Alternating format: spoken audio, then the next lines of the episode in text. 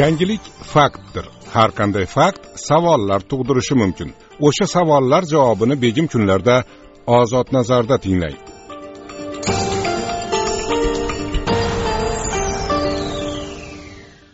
assalomu alaykum hurmatli tinglovchi. Efirda ozod nazar eshittirishi ozod nazar eshittirishning bugungi mehmoni amerika qo'shma shtatlarida yashayotgan o'zbekistonlik yozuvchi publitsist jurnalist jahongir muhammad. Jahongir aka assalomu alaykum. Va alaykum assalom. Jahongir aka mana o'zbekistondagi siyosiy voqealarni va hamda iqtisodiy o'zgarishlarni kuzatib boryapsiz. Buni facebookdagi sahifangizdan ham o'qib turibmiz va e, bunga boshqa tinglovchilar ham munosabat bildirishyapti mushtariylaringiz. E, mana so'nggi bayonot haqida bir fikr bildirsangiz edi. Prezident mirziyoyev e, ikki viloyat va to'rt tuman hokimlarining birinchi o'rinbosarlarini ishdan oldi. Endi mana shu narsa e, ijtimoiy tarmoqlarda tarqalgandan keyin shu haqidagi gaplar haqli bir savollar tug'ildida. Nimaga endi birinchi o'rinbosarlarni nimaga endi hokimlarni o'zini emas bu birinchi o'rinbosarlarni olgani bilan almashtirgani bilan bir narsa o'zgarib qoladimi? Gap nimada o'zi jahongir aka? Endi bilasizmi aslida e, mirziyoyev keyingi paytlarda mana shunday ko'p bayonotlar bermoqda. U ko'pincha aytadiki men xalqni ichidan chiqqanman deydi. Lekin ko'rinyapti u xalqni ichidan chiqmagan u shu amaldorlarni ichidan chiqqan. Chunki yoshligidan boshlab universitetda institutda o'sha partkom bo'lgan keyin prorektor bo'lgan va shundan buyon hozirgacha amalda. Ammo lekin endi mana bu oxirgi bayonot shuni ko'rsatyaptiki bu shu amaldorlarni hayotini ham bilmaydi. Chunki o'zi ishlagan viloyatlarda hokim bo'lgan tumanda hokim bo'lgan o'zi biladiki o'zbekning zehniyati ya'ni o'zbek boshqaruvining zehniyati mavjud. Bu sovet davrida ham edi karimov davrida judayam avjga chiqdi va hozir ham avjida. Ya'ni birinchini aytgan aytgan degan degan uni o'rinbosarlari boshqalar hech kim. Ular faqat haligi nomigagina o'tiradi hech qachon birinchini birorta so'ziga qarshi ham gapirolmaydi e, birorta bir taklifni ham aytolmaydi. Faqat o'sha birinchi odam nima desa yugurib borib shuni bajarib keluvchi xizmatkorlar ular mana shunday ekan. Nimaga endi ularni ishdan olish kerak? Aksincha bo'lishi kerak emasmi masalan o'sha e, o'zi biladi. Shu hamma kamchilik bormi yutuq bormi hammasi o'sha yerdagi birinchi odam bilan bog'liq. Demak kamchiliklar oshib toshib ketibdimi bu o'sha birinchi odam bilan e, bog'liq. Shunday ekan hech bo'lmaganda hech bo'lmaganda o'sha birinchini olib turib o'rinbosarni qo'yib sinab ko'rish kerak. Qani bu o'rinbosarida balki biror narsa bordir? Endi bu narsa o'sha bir hech mantiqqa sig'mayapti o'zi. Umuman o'zbekistonda keyingi yillarda mana shu ayniqsa keyingi oylarda bo'layotgan voqealarni ko'pi mantiqqa sig'may qolyaptida. Shunga men hayron qolaman. Jahongir aka ovozingiz bir pasayib bir baland bo'lyapti. Sababi nima ekan buni? Bilmadim balki bir joy bir joyda to'xtang qani hozir yaxshimi? Ha endi yaxshi ana shunday yaxshi. Xuddi hali mikrofon uzoqlashib yaqinlashganga o'xshayaptida. Jahongir aka nima uchun bo'lmasa shu birinchini o'zini olmaydi yoki haqiqatdan ular o'sha sadoqatli bo'lgani uchunmi chunki mirziyoyev faqat ulardan sadoqat talab qiladi. Albatta endi o'sha karimov paytida ham faqat sadoqat edi. Sadoqat bu konstitutsiyaga emas sadoqat bu xalqqa emas sadoqat bu vatanga emas sadoqat bu shaxsga ya'ni karimovni o'ziga edi. Hozir ham shu narsa xuddi. Hattoki buni e, bir necha marta katta minbarlardan mirziyoyevni o'zi ham aytdi. Mana uni bir gapi aniq esingizda bo'lsa kerak. U aytgan ediki menga seni tajribang keragi yo'q. Menga seni biliming keragi yo'q. Menga sadoqating bo'lsa bo'ldi qolganini o'zim tarbiyalab olaman degan. Ha shunday degan. Bular shu ha bular endi mana shu sadoqat uchunda bo'lmasa endi bunday bo'lmaydida balki o'sha o'rinbosarlar haqiqiy ishni biladigan kadrlar bo'lishi mumkin.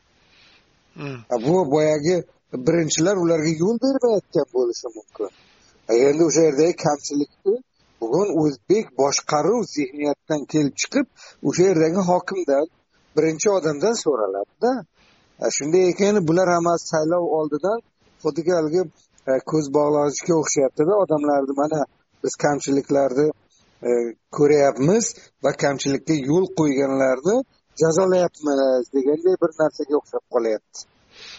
Jahongir aka mana mirziyoyev iqtidorga kelgandan buyon shu bitta so'zni juda ko'p ishlatyapti. Ayniqsa shu o'zini qo'l ostidagi bo'lgan hokimlarni tanqid qilganda shu xiyonat degan so'zni.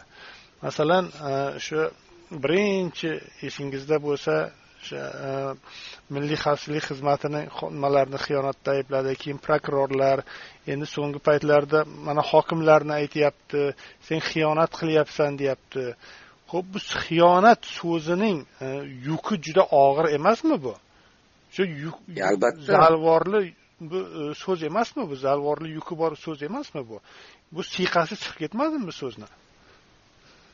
Albatta xiyonat so'zi e, Э, judayam haligi og'ir so'z. O'sha shuning uchun ham mana vatanga xiyonat deganda eng oliy jazo belgilangan.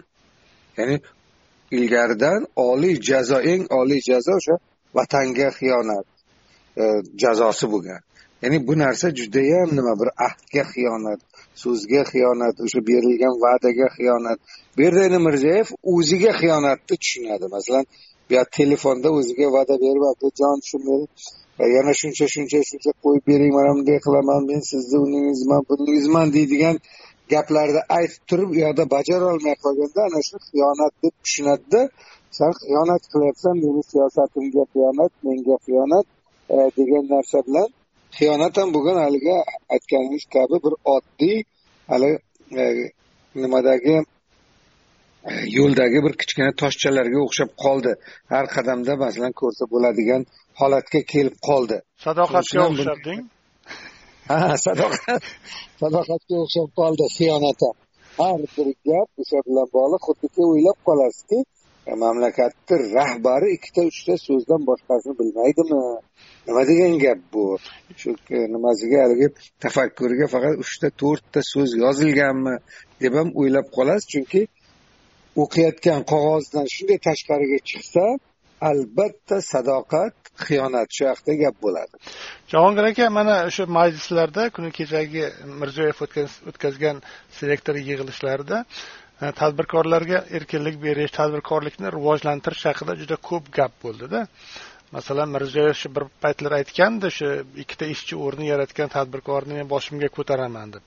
Lekin nima uchun o'sha bu aytgan gapiga ham ikki uch yil bo'ldi. E, nima uchun shu paytgacha tadbirkorlik rivojlanmadi? Mana bugun shu bugun o'zi men sirdaryolik bir tadbirkor bilan gaplashdim.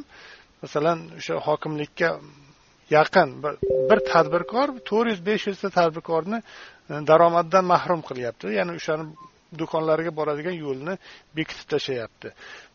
Ular masalan mahalliy hokimlar shu tadbirkorni rivojlantirish haqidagi prezidentni aytganlarini qarorlarini ignor qilyaptimi yoki haqiqatdan rivojlantirishni bilmaydimi? Yo rivojlantirishni biladi. Bilmaydi deyolmayman. O'zbekni har qanday odami ham tadbirkorlikni rivojlantirishni biladi. Lekin bu yerda ikki yuzlamachi siyosat bor. Majlisda aytiladigan gap boshqa telefonda aytiladigan gap boshqa qog'ozda aytiladigan gap boshqa boshqa og'izda aytiladigan gap boshqa. Masalan aytiladiki tadbirkorlarni ishini rivojlantirasan ularga shunday shunday shunday sharoitlar yaratib berasan deyiladi. Bu yoqda telefonda aytiladi nima uchun falon joyni yo'llari mana bunday ekan falon masala bunday ekan anavi bunday ekan bu bunday ekan desa nariyoqdan aytiladiki aka jonim bilan hammasi men ham ko'rib turibman shuni ozgina ozgina pul kerak deydi. Shunda ko'zing ko'rmi? Ana tadbirkoringdan olsang bo'lmaydimi? deydi. Qarabsizki maktabni ta'miri ham tadbirkorni bo'ynida ko'chani ta'miri ham tadbirkorni bo'ynida daraxtni oqlash ham daraxtni ekish ham hamma narsa birovni to'yini qilib berish ham birovni olib borib ko'mish ham birovni chet eldan olib kelish ham hammasi uni bo'ynida. Ana shunday bo'lgandan keyin nima bo'ladiki? U ish yurishadimi? Uni masalan tadbirkor bir so'mini bir so'miga urib ikki so'm qiladigan odam. A uni siz o'sha qo'ldagi bir so'mini olib qo'ygandan keyin yo'qni yo'qqa urib pul qiladimi u? Mana shunaqangi vaziyat o'zbekistonda. Aslida tadbirkor bo'ladigan bo'lsa aytish kerakki qonunan qilib hukm qilib qo'yish kerakki bir yil tadbirkorni yoniga hech kim bormaydi. Bir yil. Bir yildan keyin u kelib o'z solig'ini to'laydi. Tamom. Bizda unaqa emasda endi.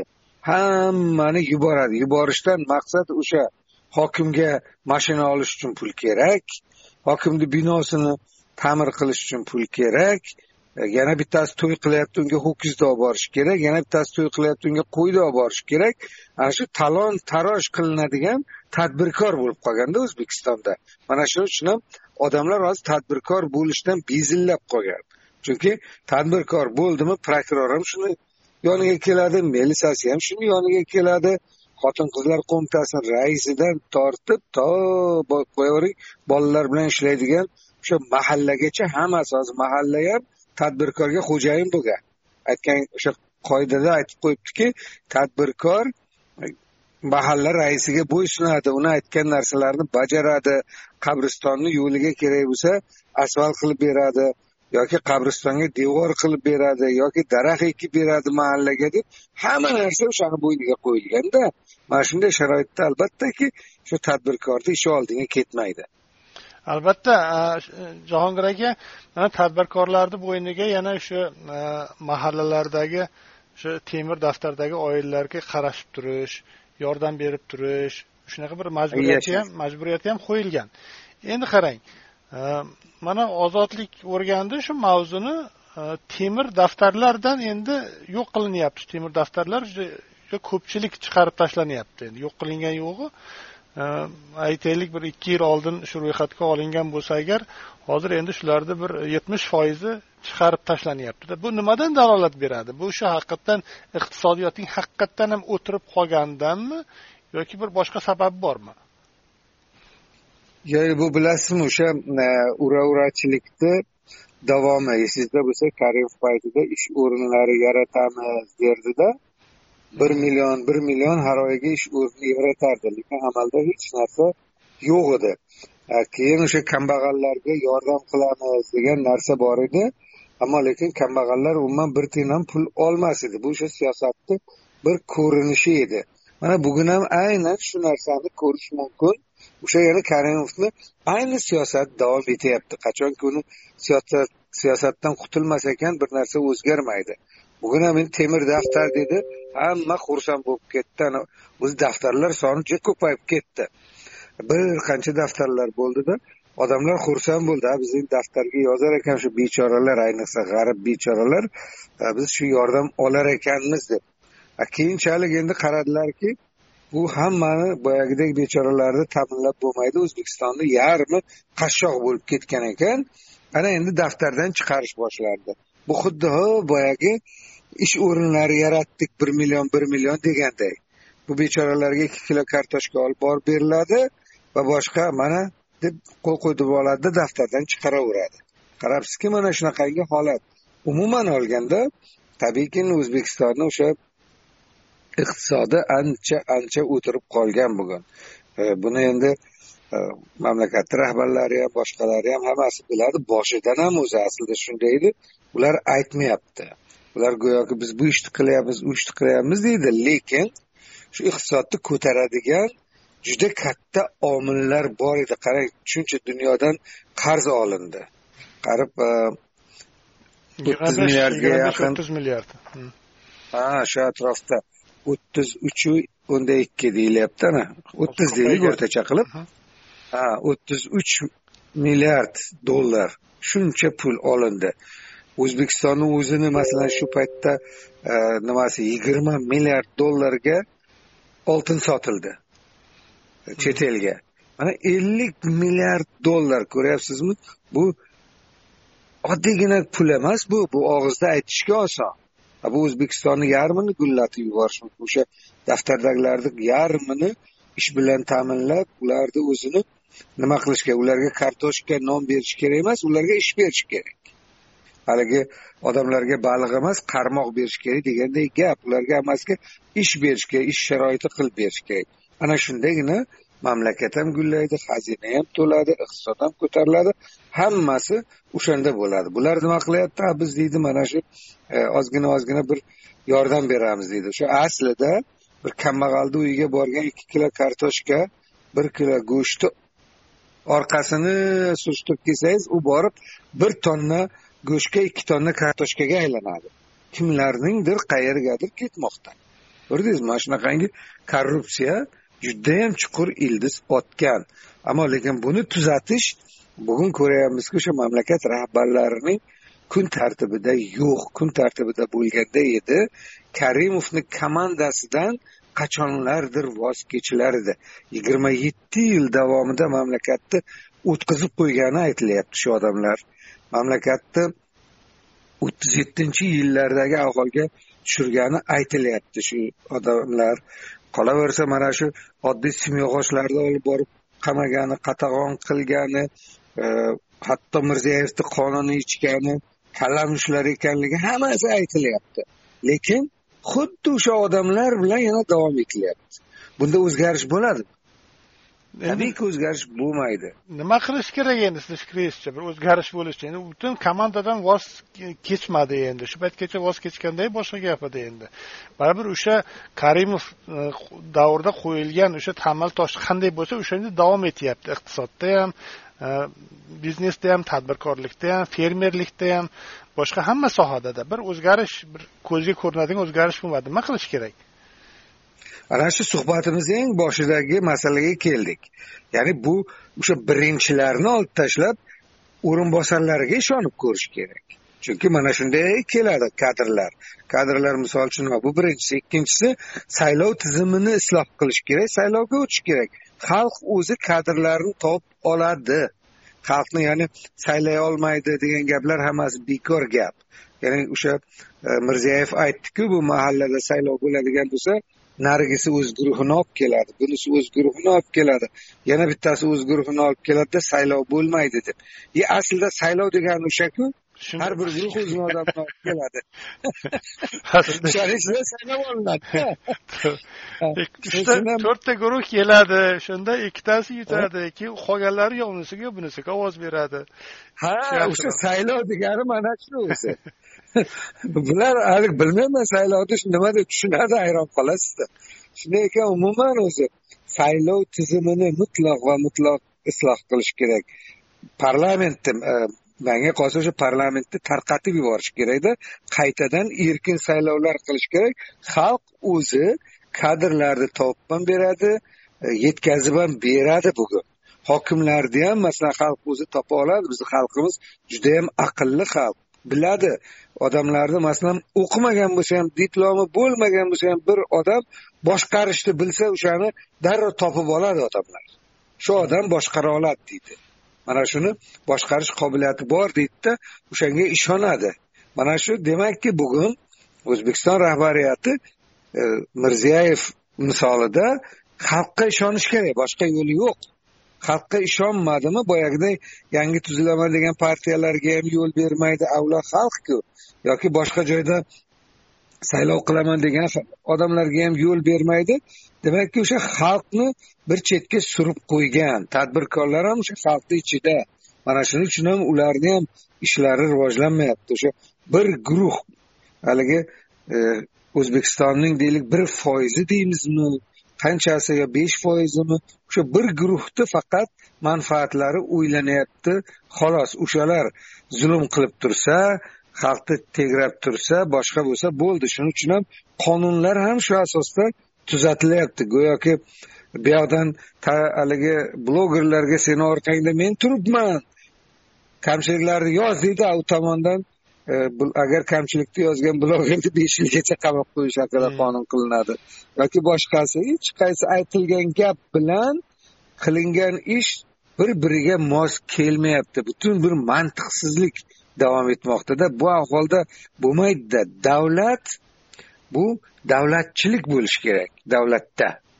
Bizda davlat bor ammo lekin davlatchilik yo'q. Mana o'ttiz yildan buyon davlatchilikni asosiy prinsiplari yo'q demokratiya demokratiya deydi. Demokratiyani asosiy prinsipi yo'q o'zbekistonda. Demokratiya bu xalq boshqaruvi. Hokimiyat tepasiga boshqasiga xalq kelmayapti o'sha. Doimiy mansabdorlar o'shalar kelyapti. E, demokratiyada uchta hokimiyatni muvozanati bo'lishi kerak. Bizda u narsa yo'q. Na konstitutsiyada bor na amalda bor. Bitta odam xo'jayin bitta odamni aytgani aytgan degani degan o'ng tomonga uyg'onsa kayfiyati yaxshi bo'lsa o'sha kun e, odamlar joyida jim o'tiradi. Ammo lekin chap tomonga uyg'onib kayfiyati yomon bo'lsa ana o'sha kun qancha odamlar ishdan ketib o'rinbosarlar ketadi. Hammasi ishdan ketadi. Yana eng dahshatlisi qonunlarda yo'q. Biror bir qoidada yo'q. Hukmlar qilinadi. Bularni hammasi maoshlari tortib olinsin oyliklari tortib olinsin.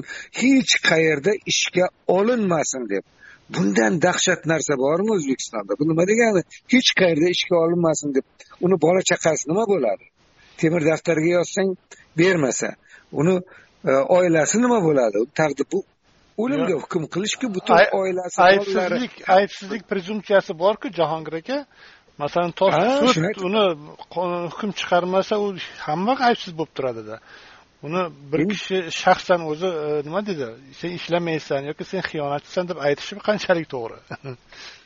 O'shada bu demak o'sha qonunsiz mamlakat bu huquqiy bir davlat emasda davlatchilik yo'q degani bu. Bitta odamni aytgani aytgan degani degan bitta zo'ravon odam xohlasa sizni bir umrga hech qayerga ishga o'tmaydigan qilib qo'yadi butun topgan tutganingizni hammasini tortib oladi. Xohlasa sizni badarg'a qiladi xohlasa sizni oqlaydi reabilitatsiya qiladi e, xohlasa sizni qamoqqa tiqib qo'yadi. E, bu nima? Bunday bo'lmaydi. Bu davlatchilik emas bu davlatchilikda qonun qoidalar ishlashi kerak. prezidentdan tortib hamma qonun bilan haligi nima bo'lishi kerak qonundan ustun turmasligi kerak. Qonunga bo'ysunish kerak. Buni birinchi bo'lib boshlab beradigan prezident prezident qonunlarni hurmat qilsa qonunlarga rioya qilsa ularni oyoq osti qilmasa qolganlar ham shu ishni bajaradi.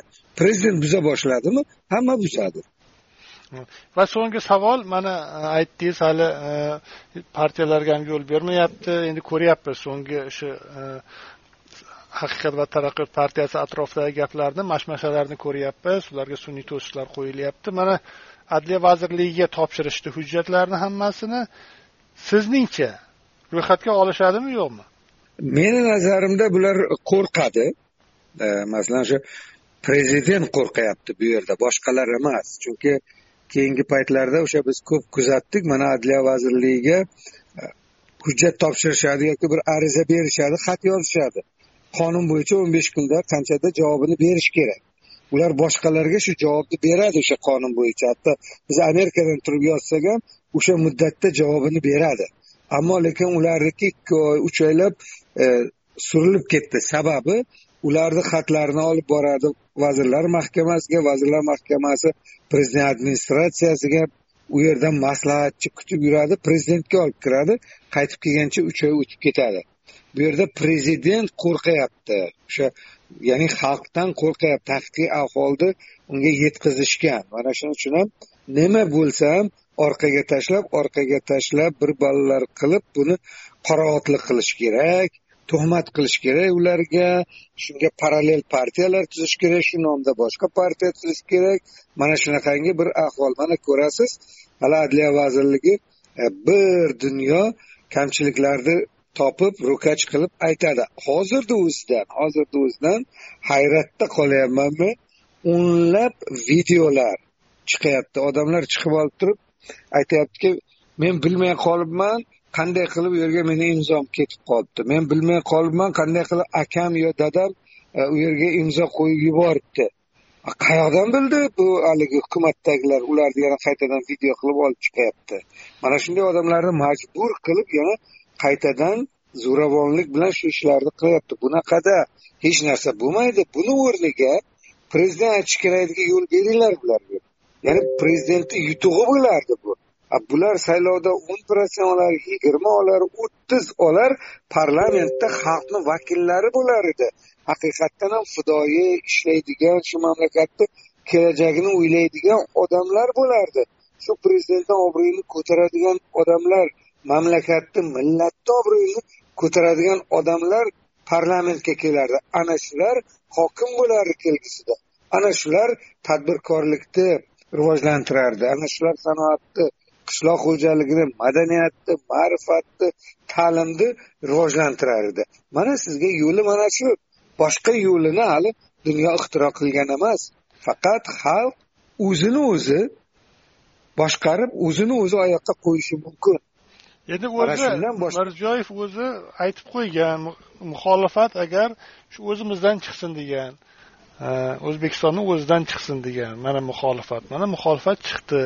Endi bu agar ro'yxatga olinmasa uning xalqaro obro'si nima bo'ladi? Masalan bmtda gapirganlari yo'q. qaysi gapi bugungacha amalga oshdi? O'sha dastlabki birinchi ikkinchi yillarda mirziyoyev faoliyat ko'rsatdi. Ammo undan keyin xalqaro xalqaro nimalar tribunalarda gapirganku endi o'zbekistonda demokratiya juda zo'r deb shunga deyapman. Hozir endi xalqaro miqyosda ham tushuna boshlashdi hozir allaqachon e, ilgarigi o'sha birinchi ikkinchi yildagi e, boyagi kreditlar deymizmi e, berilgan imkoniyatlar shanslar hammasi hozir orqaga ketdi. Hamma mamlakatlar allaqachon tushundi. Bu qayoqqa qarab ketayotgani nima bo'lganini allaqachon tushunishdi. Shuning uchun ham hozir endi bu tashqaridan ham keladigan yordamlardan ham boshqasidan ham mosuvo bo'ladi. Endi bunaqada bo'lmaydida endi bir e, faqat o'zini o'ylash kerak emas. O'sha bir mamlakatga rahbar bo'lgan odam shu mamlakatini millatini fidoyisi bo'lsa uning bir jasur o'g'loni bo'lsa qo'rqmas o'g'loni bo'lsa uni tilini madaniyatini dinini sharafini shonini o'ziniki deb bilsa ana shundagina u mamlakat haqiqatdan ham juda tez rivojlanib o'sha dunyodagi rivojlangan mamlakatlar safiga qo'shiladi. Bizda afsuski afsuski o'ttiz yildan buyon shuni aksi bo'lyapti. Rahmat jahongir aka. Salomat bo'ling demak e, ozod nazarning bugungi eshittirishida amerika qo'shma shtatlarida yashayotgan o'zbekistonlik yozuvchi publitsist jahongir muhammad e, mehmoni bo'ldi. Salomat bo'ling jahongir aka. Rahmat sizlarga omad ishlaringizga yangilik faktdir. Har qanday fakt savollar tug'dirishi mumkin. O'sha savollar javobini begim kunlarda ozod nazarda tinglang.